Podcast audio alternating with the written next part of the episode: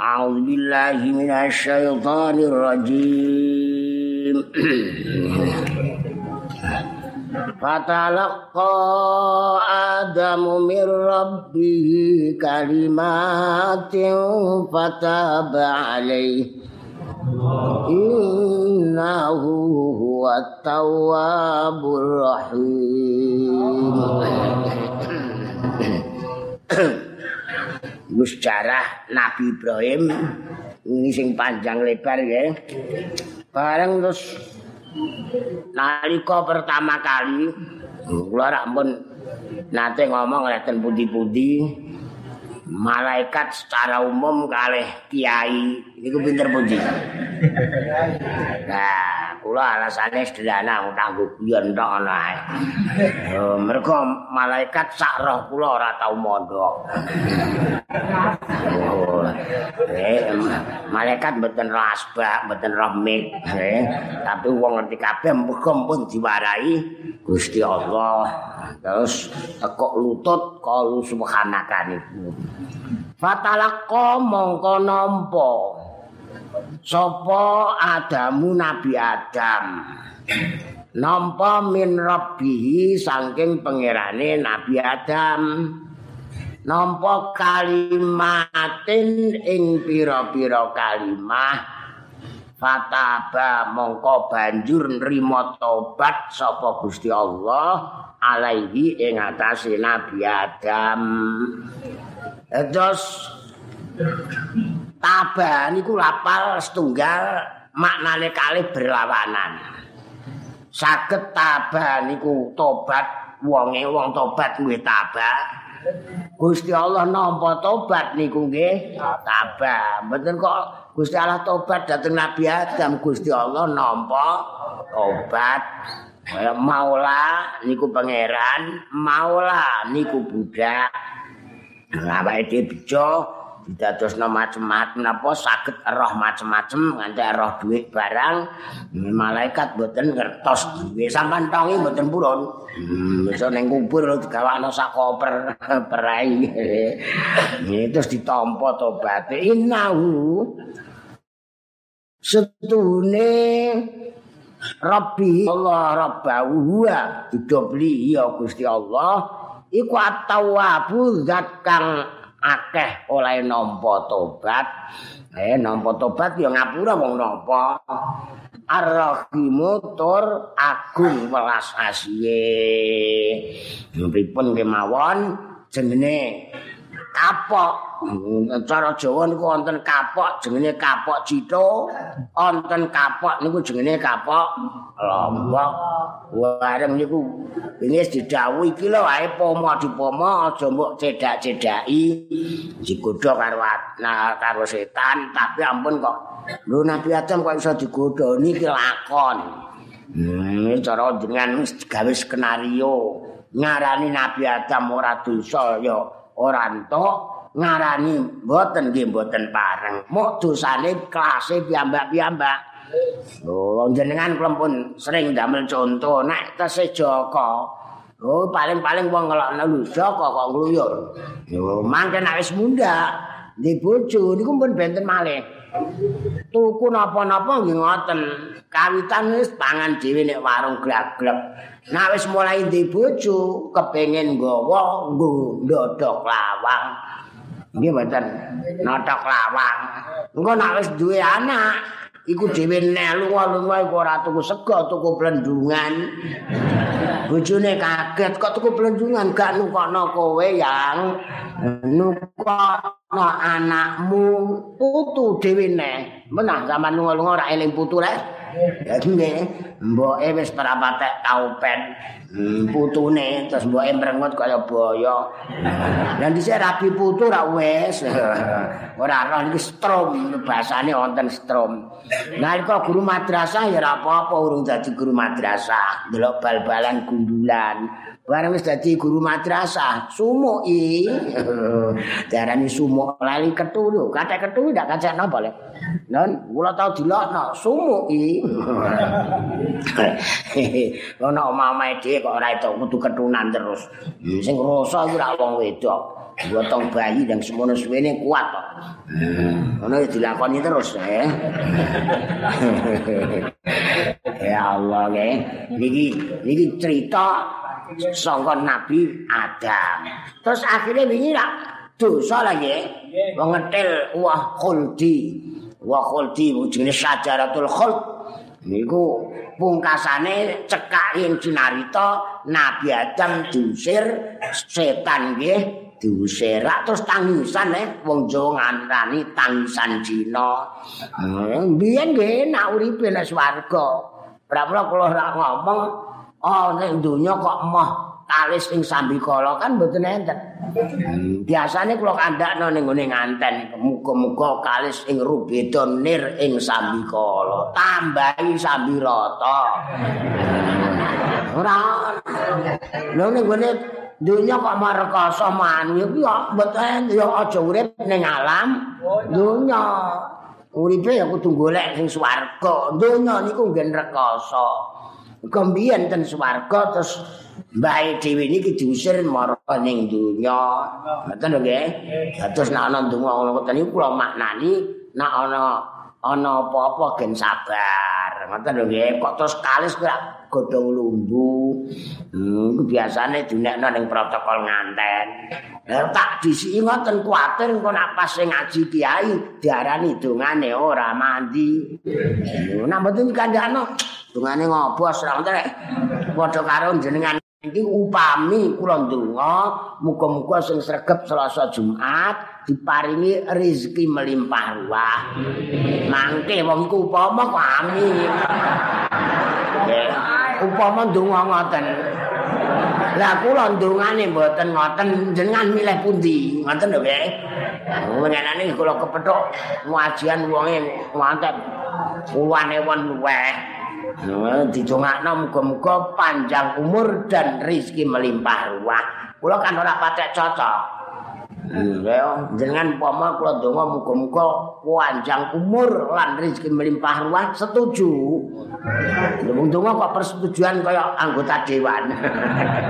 Pripun? Setuju. Ya kula dongane mboten ngoten sing sregep ngaos kados jenengan muga-muga rezekine malah mboten melimpah ruah. Lho aneh lek. Mulane sesuk saya mangkel kali kula jenengan. Lho wonten ngenane wong mursid tarika. Lah kula rak ngoten. Kok didongakno panjang umur ngono tok titik. Nak diparingi 700 tahun, sang bertanggung jawab siapa? Wonge menengae, lha kula sawak ngono Nak diparingi rezeki melimpah ruah, napa sami do ngaos ngeten? Mon jawab bareng. Nah, terus ya. Eh, muga-muga rezekine tur mesti mandi kula niki. Muga-muga rezekine ora patek. Sampan titeni kapan-kapan. Cocok ya caiku. Lah kata ya, kula iki tak gathuk-gathuk nang kok wong Allah taala nggih pirsa kok. Wong iki kepentengane mok ngene leteh ngono ae kok tak kei ngantek triliun. Iku terus lha apa iki kok? Rak ngitang-ngitung. Ngoten niku dinikmati paringi nikmat Gusti Allah. Ngeten niku kok gadah mbako 50 hektar sedaya. Lho wis mulai pating srontet iki jawabane. eh Allah nggih. ya ngoten nggih nggih. Lah nek kembang piyambak. Mohon. Iki lan Nabi Adam rumangsa dosa. Onten hasanatul abrar sayyatul muqarrabin. Onten dosa mimbabi hasanatil abrar. Apike pira-pira kaapiane wong sing kajulu abrar iku sayyatul muqarrabin dianggep eleke wong sing jinakat. Wau lempun kula contohno. wis diundang mbah kali diundang pak kali diundang om iku derajate benten nggih kadang-kadang wong dilokno iku malah tersinggung kok. Maune dereng guru madrasah bareng guru madrasah liya dina dilokno. Lho kok mesti nggo ketut hmm, pak. Ngono iku wong emosi. Wong kula niku ora ketua kok dilokno. Lho berarti derajate jenengan niku munggah Wingen anu urung dilokno ndek jenengan tukang erek gobre ketoprak kok. Saiki pun mulang madrasah, pramila ora ketunan. Dilingno berarti derajate munggah kok malah ngamuk. Lho, nak ora sing ala berarti kelas kelas biasa. Nggih mboten. Ngoten kadang-kadang mboten paham nek ora ngaji. Iki ngaji lumayan ngaji seminggu ping kalih ana sing miles pisan tok. Sampai kok tersinggung. Aku miles sing iki ae kaya nek warung ae. eh, lah Nabi Adam niki terus akhirnya jenenge tobat, ditampa tobaté dening Allah Subhanahu wa taala diparingi waosan wacan. Hmm, wacan-wacan iki lho. Ya cara jenengan entuk ijazah nggih. Nah, para ditobati supaya ditampa tobaté maca niki lho diparingi dening Allah taala Nabi Adam diparingi kalimah-kalimah sing kedah diwaos.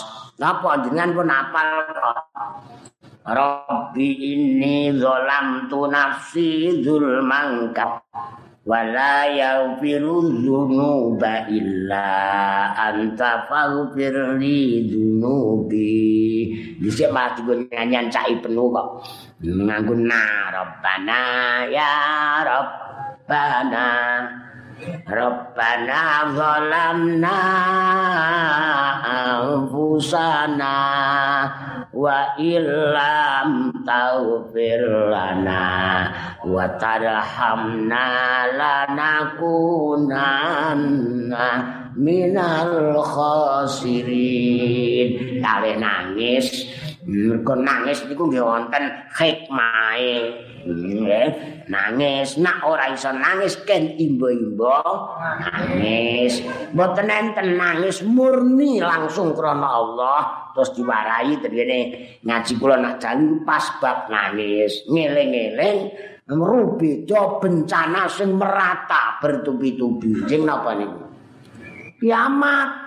Mboten enten kok kiamat kali sing rubeda Nabi-nabi mawon dipurugi sambat sedaya aku gak duwe hak, aku ora wani, aku duwe dosa. Eling-eling nggih, nanten nabi aku duwe dosa mboten kaya dosane awake dhewe. Welinge wau-wau kelas apik kanggo abror, iki kanggo sing mukarrab niku pun cacat. Nggih, wong biasa guru madrasah niku mangan kacang upamane nek kampung urung patek diloroi nemen, tapi nak pun khotbah Jumat. Oh, sampean mangan kacang wis dianggep wong kon bon binatang kok. Mulane kula rawani khutbah Jumat. Mboten wani-wani kula wani nek khutbah nikah. khutbah nikah kan bar mesti ana rawone. khutbah Jumat ngamplo. Tur kudu serius lho khutbah Jumat niku. Khutbah Jumat kudu serius. Lah kula tak kulino guyon. Dengan khotbah mboten saged, saged. Lho, wong sing ngerti aku kok malah sing jawab kowe. Aku guyon tak bubar kabeh. Ora terus mlebu ngenekan iki, non. Kula kan kulino kok nggih ra tak nggih, Bu nggih lah bubar. Nek khotbah niku ra mesti dulu antele alhamdulillah lagi kok lali astagfirullah langsung sadat angka tungkal. Bar. Nek khotbah Jumat apa dadi perkara. Non. Lama khotbah Jumat hmm, eh orang sing nyekli ngene pas ana angin kanane ceblok bingung. Jadi iki wacanane Bu dimaknani Rabbi duh pangeran dalem. Eh Rabbi niku saged nganggo ya. Niki wonten ya Rabbi ya e dibucal ten Quran punaten Yusuf arid an hadza Nada undang-undang. Sakit tonton yae sakit diwaca kasah diwaca fathah tanpa ya tanpa yae diwaca fathah sakit Hmm, niku ngene wong maca niku ya Rabbi bil Mustafa. Mboten ngoten ya ilang milih dicocokno sing pas niku. Ya Rabbi bil Mustafa. Mergo sing nganggoku omahku pakaianku niku wonten yae jenenge ya mutakalim niki ra enten Rabbi atau ya Rabbi sholli ya Rabbi ya ora cocok nggih iku bab napa ngaji kesusastraan. Lah niki nggih pol-pole sastra, sastrane sastra, benggol-benggole sastra nggih Al-Qur'an. Al-Quran Qur'an tadi oleh Nabi Sultan Aliyah Ustaz Dilang Allah Barakatuh ada mana lahu ana lahu wa ula ah kabeh kaya burdah niku burine rak mi kabeh nggih mi Andaga kuri cirani bizi salam Sejajam anjara memuklatin bidami amma batir reku mintil ka ika gimatin wa umadol bar pupil dol maimin idami pamali aina ka ingkul takufa hamata wa mali kolpi ka ingkul tastape ya gini ayah sabu sabu annal khupamu katimu mabena mon saji memen huwa laulal hawa lam turib tab anala tola liwala arab tali dikril bal. Apal betul. Apalan kula akeh nggo nggo nurokno bojo. Hmm. Oh, saiki bayar, naran diapalan ngono. Lho itu musume saiki online kok. Hmm. Nak dibaca ngono kados keturon. Lho online iku nggih dienggo dalil nak sakniki online wae iso ngertos online Bu. Ora cuma ngertos sing marai online nggih sampane iku sing kopi sing lanang. Eh. Lha online wae iso kok ana ganjaran tahlil kok ora tekan gone. Guyono wong mboten. Tapi ora usah ngelokno wong. Wong online picat-picat kok kamar iku tuku napa mawon dugi mboten. Teko mboten. Mok kadang-kadang ana telate mergo nak online blonjo sing ngeterno uang uang iku ya ana kesel sopir ana kesel ana ngelak ana ngorong ana ngantuk Online kok ora teko-teko mergo supire ngantuk istirahat. Online ora teko mergo supire ngowak. Wong supire ngantuk terus tuku kopi, bakule kopi kopi pangkon. Yo bakule udo. Ora mulai-mulai. Hmm, telat. Lah Allah taala utusane sing jenenge malaikat ku mboten dipasang kaya sopir dunya. Lho, dhewe mulane malaikat mboten nate macet. Kula ngene macet ten ngene kunduran niku. Cet macet cet. Bojoku tak kirim macet nganggo D. Kok pakai D? Mergo macete tenanan. Macet nganggo. Mbantah lho. Nah macet juga ada nganggo T macet. Malah mungkin macet. Lah malaikat nggih mboten. Oh, malakul ladzi bila abin wa om la Kelala surba wala naumalahum malaikat tanpa bapak, tanpa ibu, tanpa dahar, tanpa ngunjuk, tanpa turu. Iku apalane cah cilik-cilik madrasah. Jenengan tak mboten apa eh? Mboten sampean wong gedhe kok. Apalane bocah? Nggih, kula apal. Oh, malaikat tanpa bapak, tanpa ibu. Lalu bapak, ibu mungkin ana takdir rak macet. takdir telat jabut Jawa. Mergo malaikate mudik. Eh wong di bapak di mbok. Malaikate kok dalan ya mandat di malaikate ndi iki? Lontong tuyuan. Malaikat marung ditawani minta paha padada umpama. Berarti tahlil dugi mboten? Dugi cepet putih kali online. Berarti anak online pun didisiki. Malaikat lho ngoten lho nggih. Iki asna kok malah bingung karepe dhewe. Iki malah cetok kabeh kok dhisik donya niku ciut napa biar non kabare. Lah biar lah, mergo nek ana bocah nglamar ditolak terus prembi-prembi ora usah nangis. Dunia tidak sedaun. Oh, oh, berarti dunia ombo. Ternyata ciut.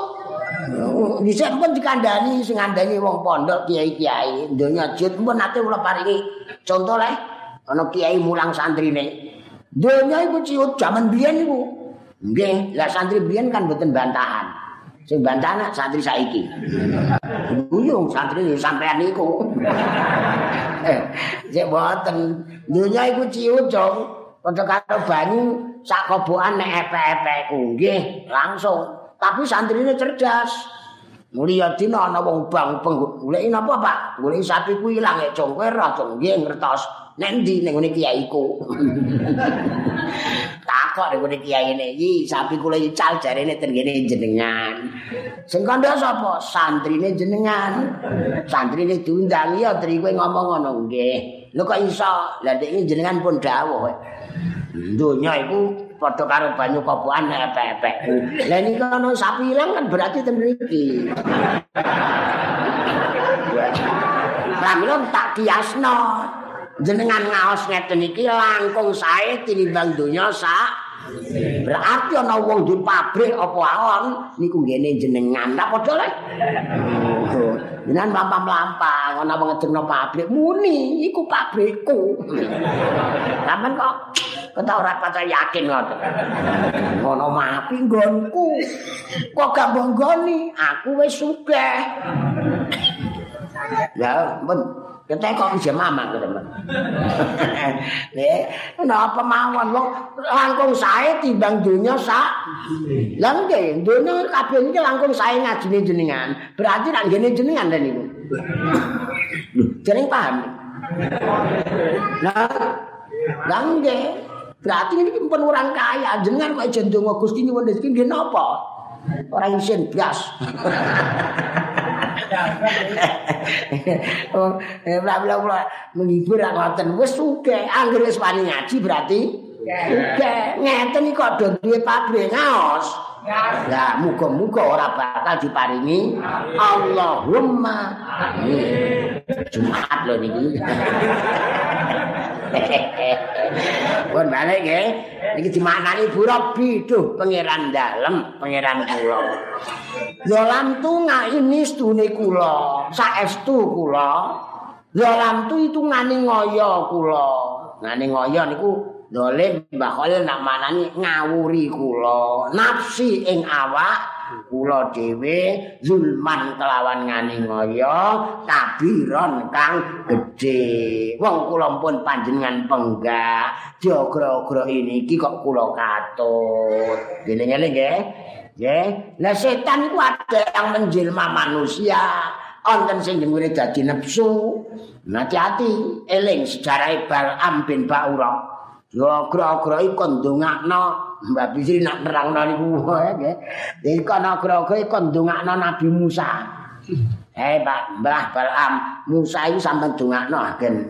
Kena apa? Eh Nabi juga kok ndongakno iku Nabi iku. Goblok piye? Ora kualat. Ha? Ora kecekel sing lanang kiai lewat garwane kiai. Hati-hati lho nggih. Nggih. Mane ditatar terus bojo sing lanang ora doyan duwe. doyan online.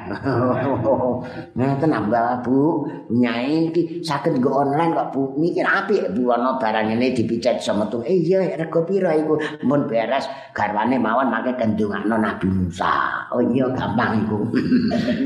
oh gitu iku gampang. Wong lanang kandhani wong lanang angel. Kandhani wong wedok metu lomane kok. Mlaku-mlaku kok ngaji lah wong wedok tawani. Nyate piye iku? nyate duit cumpon eh, itu akhirnya balam kecekel itu. Kecekel lewat. Eh, betul? Lewat sini. Ya istri nih. Ya, ya, terus. Kan, kan anak. Eh, Wah, mau dikai apa-apa. Aku ora nampa. Sing mbok pangan mau dikai lewat aku pripun jajal. Hmm, langsung praktek. Nabi Musa kena perkara. Mergo Balam zaman semanten diparingi Ismul Adzam. Ismul Adzam iku saunine kasir. Oh, Nabi Musa mulang-mulang nek gone. Teh niku dengan apa? Cara Jawa ngrangkai. Ngrangkai. Ayat mimang, sampean kok ora wong kuno, ora wong buri. Ayat mimang kok selali. Lah nggih. Wong Jawa ngarani ngrangkai ayat. Rono ketemu neh, rono ketemu neh. Terus parani malaikat, kowe dongakno wong ikol. Langsung niku balap. Dia malah jujur jatuh sing wedok. Engko tobat ra iso iki, tobat wong Gusti Allah yo jembar tobate. Katut, hati-hati lho, nggih. Nggih. Hmm, setan itu tukang pidato lho. Ghafur Rahim Gusti Allah agung pangapurane. Tawwabur Rahim Allah taala agung oleh maringi tobat. Nampa kapok praktek. Lho wis diskenario nggih. Balaan itu iso miber. Santrine begedak ewot. Duwe khimar sing biasa dienggo ndonga ten kene tempat tertentu, kok ten kene tarikon kira ana kotak tertentu nggih. Lu khalwatan niku nggo nyepi, ndonga, nggo munajat niku. Wah, teklek-teklek. Khimar ku ndeprak. Ngantek khimar jo omongi, Mbak Bisi nak meragakno sabeti ngadep khimar goblok. Mbak Bisi nak nyontokno. Terus khimare ngomong, Kowe ora roh nek ngarepku iku ana malaikat sing gedhe menguntal kowe. Uh, akhire meh tobat ilate dilelak dilolos naudzubillah men mestine husnul khotimah dadi syukur. Yo niku proses Hati-hati iki. Hmm, zaman-zaman kadang-kadang dilingno kanca. Duit sakmono eh, duit sakmono piye? Nak ping pangping pangping ora ana siji pingno kok pangping ae. Hmm, ditatar mugen ngoten. Nafsu lembut, nafsu setan. Iku apa ngate wis di Benar itu burdah, itu lagu apalani burdah. Man manli birat dijima kin min gawayatiha. Ya, ya. kama yuratu jima kul khaili bil lujumi fala tarum bil ma'a si kasra syahwatiha inna ta'ama yuqaw wi syahwatan nahimi wong wong sak sok maksiat tak tuntas le seminggu nek bar aku tak ora. Bohong. Pun sampean diteni nggih. Mboten enten maksiat dipateni nganggo maksiat. Mateni geni kok digebyur kali bensin rupane padha kali banyu tapi mboten padha. Hmm, aku tak maksiat tak tutup-tutup nek pumpung jenam. Nice tua aku tak prei. Oh, tua prei wong kowe ndeprok kan. Hmm, iku mboten padha niku karo wong tobat. Nyuwata dene setan lan ora mangan tak polne. Mbok ngerti nak mangan iku nguatno syahwat. Tapi nggih sebaliknya, dingelehi belum tentu sae. Marek belum tentu sae, ngeleh. Oh, nggih. Ngono ora ngerti nak racun iku manggon ning ngene lazat niki. Wasat dasa isa minju en wa min sibai faruba mahmasatin syarrun minat tukhami ye aja ketipu aja ngantek ketipu karo tipuan sing samar rupane warek kale ngeleh. Warek kale ngeleh iku tipuan samar niku. Ngeleh niku luwih jelek tinimbang warek. Gayane ya tirakat. Poso aku? Wah kenemenen terus geblak deh ana pitik liwat disaut.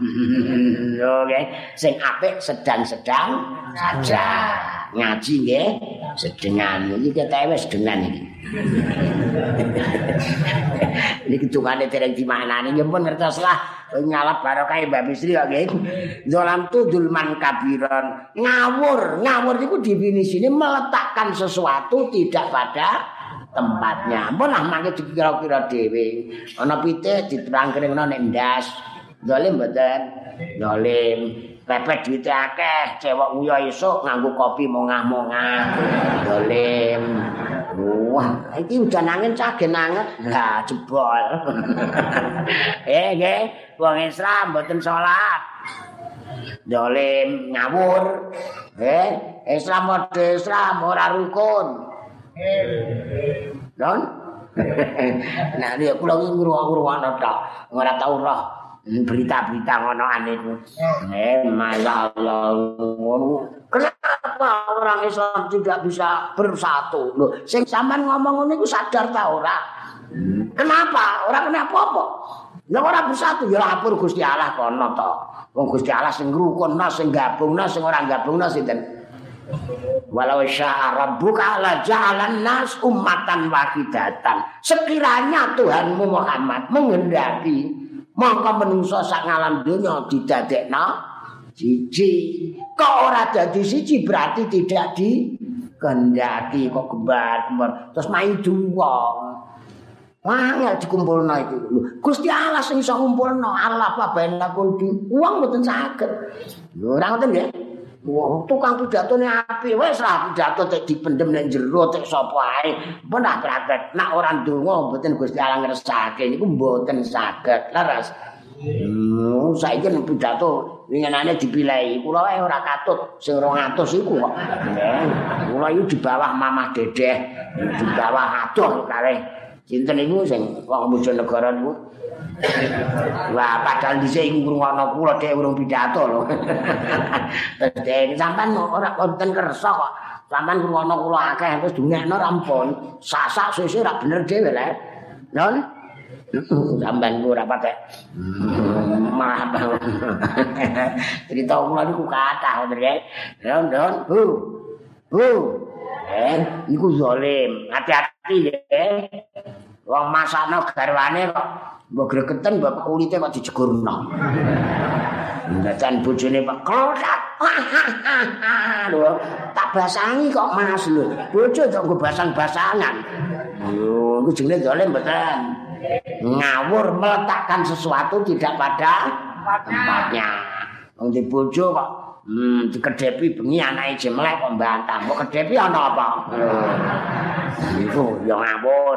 Dikedepi aku tuh langsung mlebu kamar ganti pakaian tipis. Kok malah celana jin diwalik. Sabu sabu banser.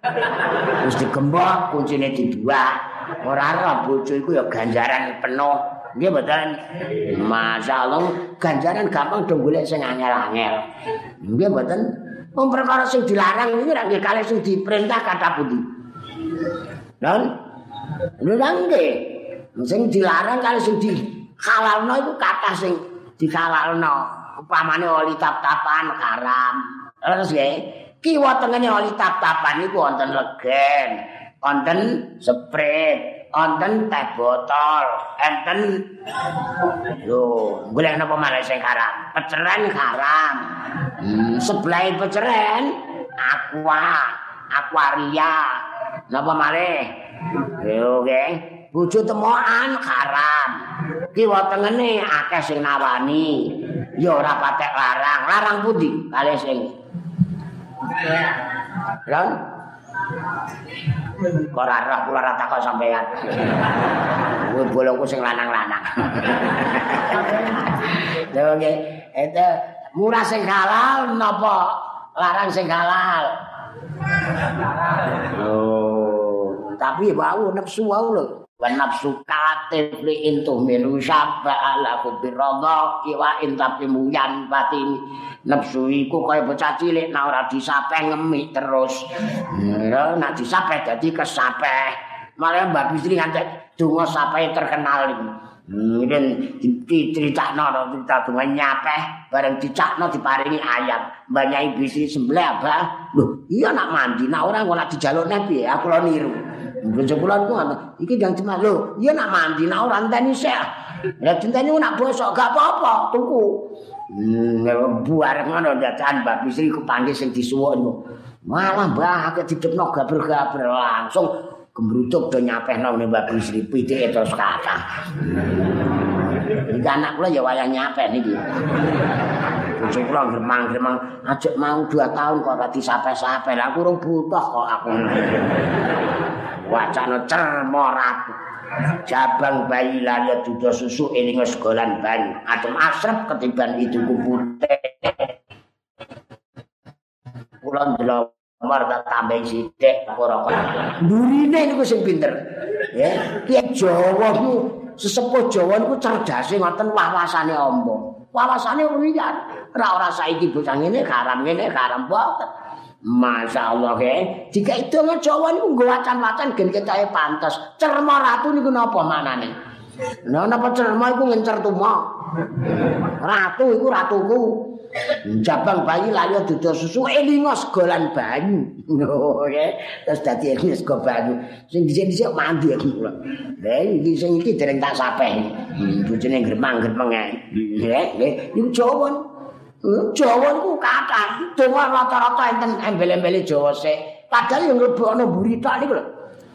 Sing kuna-kuna niku masyaallah mbah-mbah nenek moyange dhewe lak dereng Islam lha piye. Lho ngantek nangane wonten gua-guaan iki terus ya. Lah nggih. Lho ngono iku bocah saiki ya muni kok. Mbah ajeng antenan kuwi kula iki lho ajeng ten kene. Ndi niku sing ten pekat Pemalang. Juwana niku lho sing jembatan kidul nyabrang. Ngoyo napa? Guaan pite. Kula iku ora ora. Lah mbiyen ku meneh gua pite. Karo bocah saiki gak gelem takok sik, Mbah. Kok gua pite niku pos pripun dununge? Takok gen dijelasno. Langsung muni. Gua pite haram, gua pite urip. Sing haram nak gua kowe, Blok. Nak kowe tak gua tak cemplungno iku haram. Wong pite tak gua mung cedak tok ae kok. Iku pintere Kiai Jawa, sesepuh Jawa, ora kudu kiai mbiyen iku.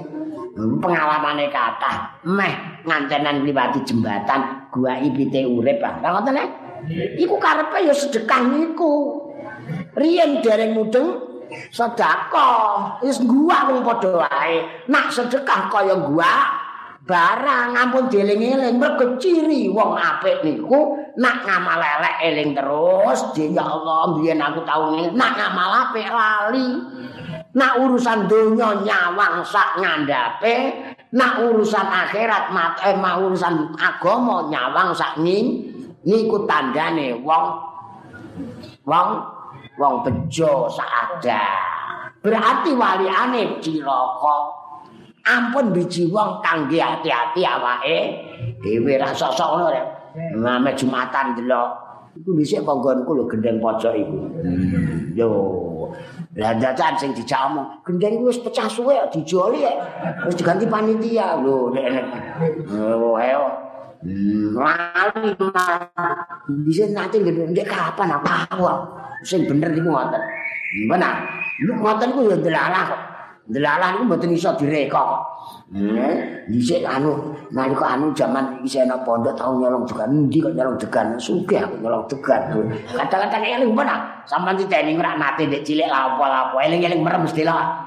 Hmm, tau jerawal. Nggih nggih. Lah niku malah tandha wong bejo kok. Nggih. Lah waliane nak sing lali perkara elek iku tandha cilaka. Yo, duwe ngamal apik dieling-eling terus. Nak nyawang sak dhuwure. Nyawang kok sak ngisore ya ora mudah-mudah sugihmu. Delok kowe.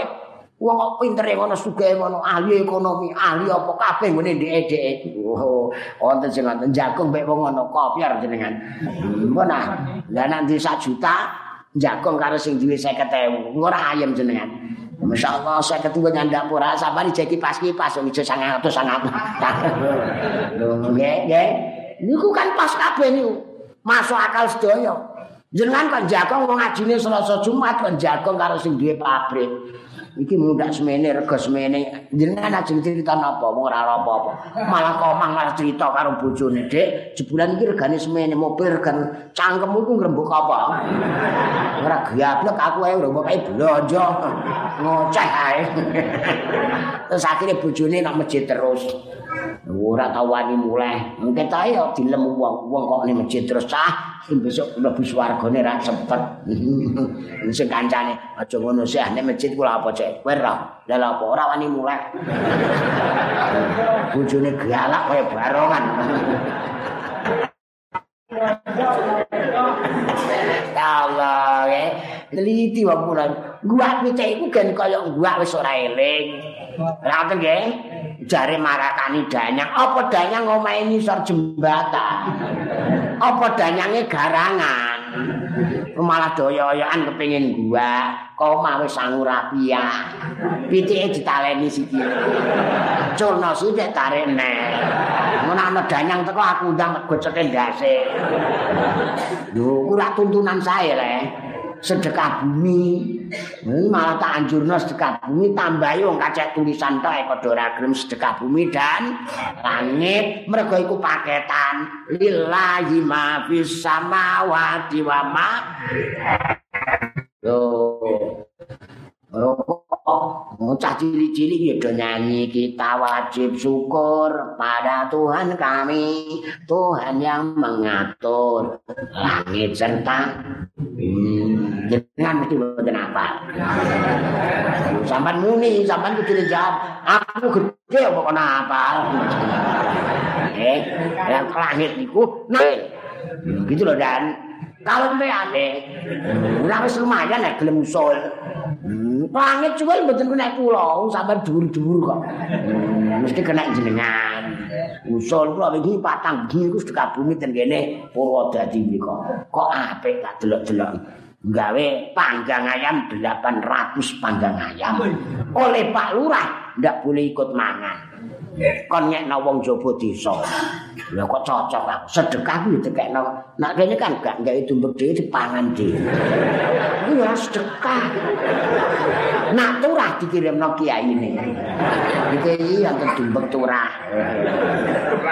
Sing sebelah malah malah 5000 anggang ayam. Yo ngenakno bakule iso payu kok cocok.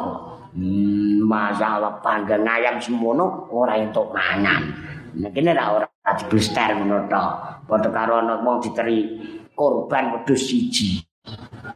Kiai ning desa omahe langgar korban nggih kiai nek ndi apa-apa kae wedhus blok ana demakane nak ana beras ana kayune ana bumbune karek masak.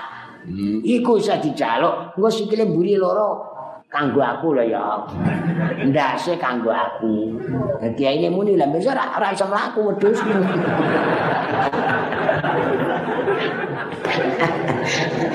Allah Allah. Wong korban wedhus elek-elekan, sikile dijaluk loro karo ndase karo batang muncul. Wis tuwa sisan. Iki muni eleke ra cangkeme malah muni golekno wedhus elek-elekan. Lah terus digolekno wedhus sing bar jinggo karena palan niku lho wedhus elek-elekan. ya Allah, kula niku ngrungokno kok saya dodol saya dodol iki. malaikat pasang nafsu harus digecek kowe ya. ya Allah ge, ampun ngoten golekno sing apik, sing gagah, sing lemu, lemu cerita. Sing ini bojo kula tak tukokno wedhus wedok, iki anak lanang. Bojo kula iki ya kadang-kadang ya bener, di bojo bantahan kuwi enak, ora bantahan malah kacau. Dek engko mangan kethu ya. Iya.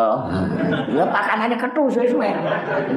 Golek sing uang, uang ya bantah barang. Mana aku cilik lanang iki mbak tamboke tak lirik tok ae. Ayo salat. Saya kan masih kecil, belum wajib. Iku entuk kurung kondi, cilik dolane ning pondok kurung cah gede-gede wis. Terus mboke rawani rawani ngongkon. Jajal bapake kon rayu, lah bapak kok ngrayu lah apa? Ngrayu ngrayu kowe. Delok tadi cilik ya seneng. Ini bahasa Jawanya apa? Enak lho le. Sampeyan anake gede-gede greget notok sampeyan. Anak kula cilik-cilik kemlucu, non. Ana wong teko Bayai carane didik anak niku pripun nggih? Anak kula kok beling mboten roh. Wong anakku cilik-cilik ora tak didik tak cono kok. Takok sing anake tua-tua. Bareng takok anakku dhewe yang greget eh, dadi tinggal ngaji kan anak omah mergo digregetno anake. Mbon kok terus ora ngaji-ngaji iki piye iki? Nggih. Walayang biru lan ora bakal saged ngapunten azunuba ing pira-pira dosa illa anta kejawi namung panjenengan ngoten niku jenenge prabot khaser napa Berarti tidak ada yang mampu ngapura dosa kejaba Gusti Allah. Biar iku nak pacar pating rengeng-rengeng. Allah Allah kula nyuwun ngapura. Biar nak dereng sakit cara Arab deh. Jawa sekataing dosa kula. Kok enak. Speaker eli-eli kok. Dosa ingkang agung kelawan ingkang malih boten wonten ingkang saged ngapura liyane kang aku dikai ngono ana luwe kaya perkutut iya iku Allah asmane. Mandi. Ora kok kudu bahasa Arab mergo wong Jawa. Wingi 17 Agustus kula pidato ten Malang. Ana bahasa Inggris dan tak lono. Saya tersinggung karena saya cinta tanah air Wong aku nak nyanyi satu nusa satu satu berarti bahasa apa? Ya Pak anak itu di Inggris kula apa? eh dengan kopior karo kula. Piye cah iku? Lah jujur mawon dan nyanyi niku nggih napa? Lan satu bahasa berarti bahasa rambutan enten Inggris dan. Lah iya. Oh, bocah tak kongkon jipono kunci sing mengomingkem muni kunci Inggris. Aja dibaleni nek kudu kunci Indonesia. Oh. Iki cinta. Ten kitab wonten kemerdekaan iku Al-hurriyatu hibatun minal khaliqi lil makhluk yusarrifu bi ma ya'udu ala nafsi wa ala ghairi bisa di wal khair. Jangan kepara apa laku. Nerangno kemerdekaan ndak. Aku lagi kritik sorak-sorak bergembira itu kok mesti sing nyanyi kok bocah cilik SD. Setahu saya nih, pernah ada upacara pakai sorak-sorak? Kang mboten ya? Eh, tak cocok-cocok nang sorak-sorak. bergembira, bergembira. Lho, ku sing pantes ra SD lagi. Cak SD nyanyi ku pantes, sorak-sorak, sorak cak cilik-cilik bergembira, bergembira. Semua wong mangkat terus donggo sangu sing nyangoni mboke. Jajal umpama niki anggota Selasa Jumat tak jak nyanyi bareng. Ora ana sing ramuni. Lan ora ber, bergembira semua ana sing ramuni. Ora ngrasakno utangku jaga. Kamu cak gembira. Ayo. bebas negeri kita uangnya orang tak tambahi wono sing merdeka Indonesia nih uangnya orang merdeka. Bisa kudu tukaran berarti orang merdeka. Bisa dijajah Allah lu ada gawe ya ini ke ini abad ngotos yang boleh menjajah kita adalah namun Gusti Allah. Giling-giling ya Gusti Allah sing namung jajah awake dhewe. Niku kok awake dhewe dijajah. Oh, macam-macam kula mboten wani ngomong ndak sampean ono ini. duwe iki dijajah iki, duwe iki. Leres nggih. Nah niku di iki kebenaran peringatan 17 Agustus wis merdeka 70. Tiga ngantek dihitung Indonesia niku hurufnya pinten? Berapa dan? Indonesia hurufnya berapa? Sampai wong Indonesia apa mboten? Nah ora metu. Nah Indonesia kok mau Pancasila? Mau Pancasila ya metu golek negara sing mboten enten Pancasilane. Kula mlebu warung khusus rawon. Lah kula menjero golek pecel kembang turi. Ora ana lho kok ngamuk. Itu keplai wong akeh. Eh nak ngono tak ngaleh. Nek ngoten nggih. Kula titip ketu. barang titip ketu panas suka iki ketune kecilin kok ndasku sing tak prekol. Golek ketu sing gedhe. Lah ngoten nggih.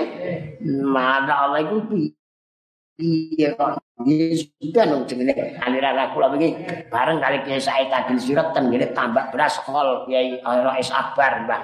Hmm, dari Kiai Said nak kula mboten aliran jek kurang akeh. Dawe Kanjeng Nabi Islam pecah dadi pinten kabare? Oh, isek pun pinten? Hitung kan? Menang sal pinten? Ndang dong gawe tanggone hiburan. eh, enak-enak ya. Men kersane dunya kok sampean ngantek gedhutu lan apa. Niki dongane ngoten. Dieling-eling Bu, cinta tanah bagian dari iman. Kula mboten nglarang bahasa Inggris lho nggih. Iso ana sing salah paham. Wong sirim Mbak Bisri wae orang larang bahasa Inggris, bahasa Jerman. Lho, Mbak Bisri sing dawuh, silakan berarti entuk le. Nak kula kan mboten aja dienggo kebanggaan nek omahe dhewe. Mbah ora iso ngomong dijak cara Inggris. Ayo ngomong ngomong. Iki ae blora kula ana tak SMS jawab bahasa Inggris. Lah aku ora kalah pinter bojo sekolahan. Apa artinya yang? Langsung tak balesi bahasa Arab kopior ora kowe ya. Bari putus kula ngaji iki kok tak takoki. Sampeyan kejebule kuliah ta? Apa titele? Guyan-guyu. SAG alah, alah SAG iku sing bener pondok lek sarjana alam gaib aku.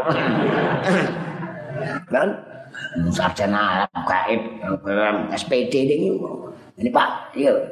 Pak polisi mantu, bisa sampai bisa tes ya kabeh. SPD kabeh, NPD kabeh. Lah aku mana apa? Lah aku tak imbangi S ya. Napa? Senang humor. SPD, napa? Selalu percaya diri. MPD, napa? Kan? Ya memang percaya diri. Ora percaya diri, ora ada cara. Bon, eh, balik di udan saya. Iku bahasa Hmm, merdeka ngono tok. Ono sing masang gendera nganggo cagak pikulan suket kok. Lha kula ngomong mergo bapak kula malu perang. Oh, bedil dan sangkur siap bertempur, siap tanah. Saiki ora menangi. Cucu kok karek muni. Nggih, hormat gendera karam. Takon muni ngono, tanggal 17 tak jaring alon-alon gak wani. Ayo tak terem muni, moh ora becandasku. Malam kan sareng kali jamaah Al-Bisriyani ku tengene makom kono keluar kene masuk. Mau kono ana bedil kene gak kene udut. Oke, iku urip ning Indonesia inu inu. Sampai delok jam tak mboten iki jame ra cocok. Mun donga iki dirembuk sing di manani Pampirli mugi kersa ngapunten panjenengan li dateng kula yunubi ing dosa-dosa kula. Bapak Adam, wong kuna nyebut bapak, nggih, non. Non. Bapak mboten bapak, bapak Adam. Bahasa mbiyen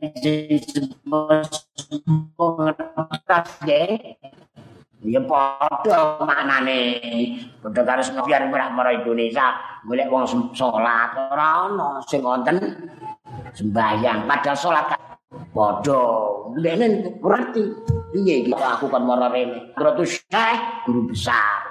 Ning Indonesia sampean semanten mboten enten muni julukan kados Syekh sing ana Syekh lor, Syekh kidul. Kok biar meneh dhek.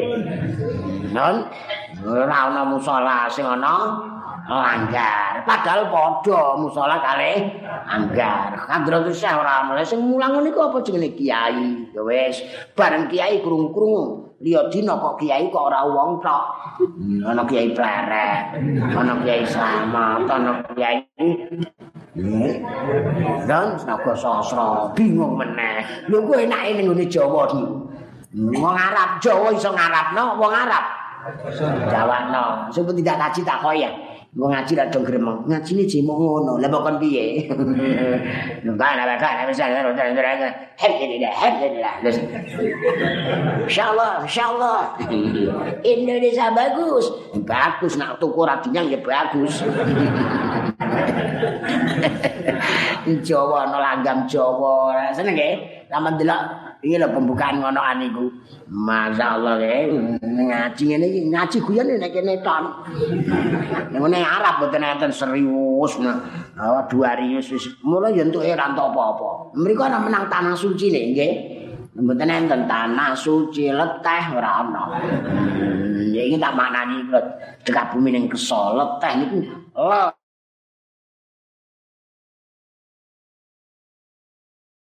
Niku napa? Sampeyan niku. Nun.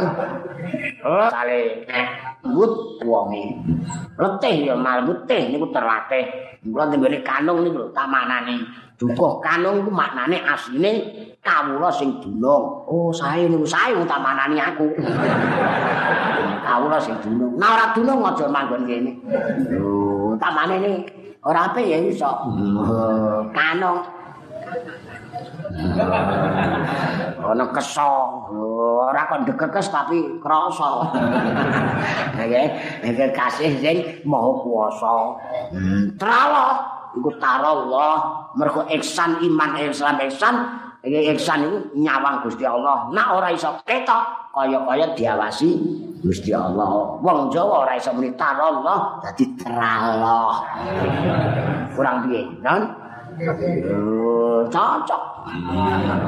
Nah, sing ana sithik tempel. Nek kok ana tempel mergo sambungan nganggo pentil.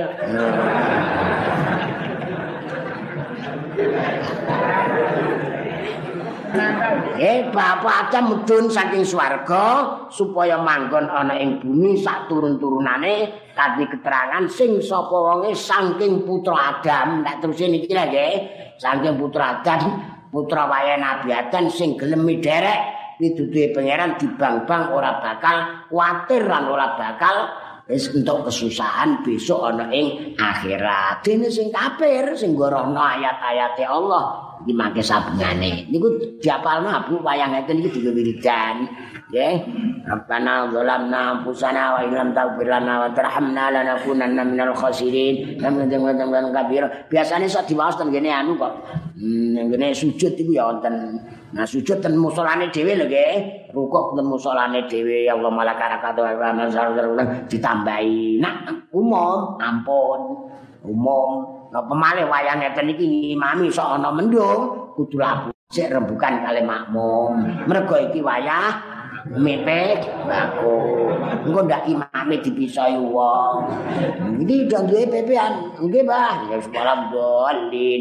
Ning nate nek kali kancan senengan wis. Nek wala dolin kula ae ten omah nate. Wala dolin jengking. Bojo kula protes kok ndak baca surat lupa ya. Ora. Ora ora aku mepe pirang-pirang mau. Oh boleh, boleh. Mboten enten larangane. Dan salat tanpa surat sah mboten. Malah wonten sing nganggo surat malah ora sah. Napa? Maca surat kabar.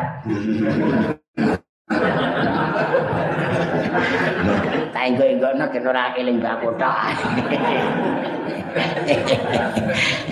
Kula wingi kol ten sarang, sarang barozat jane wis bareng fotone dipasang. Kula teko barozat wis keloloni metu. Mendak mari perkara saiki. Kena metu bareng kula mlebu wis rokok kabeh. Namo mboten wani kali barozat. Ya talono kok ora ngrokok ya wis do marat kowe ya. Bodhe iki ben privat iki. Ya makake maca sayat dereng tuntas. Seneng kok jane iki. Qulna biqu min jami'a fa imma ya'tiyannakum minni hudan faman tabi'a hudaya faman tabi'a hudaya fala khaufun 'alaihim wala hum yahzanun. Allahu akbar.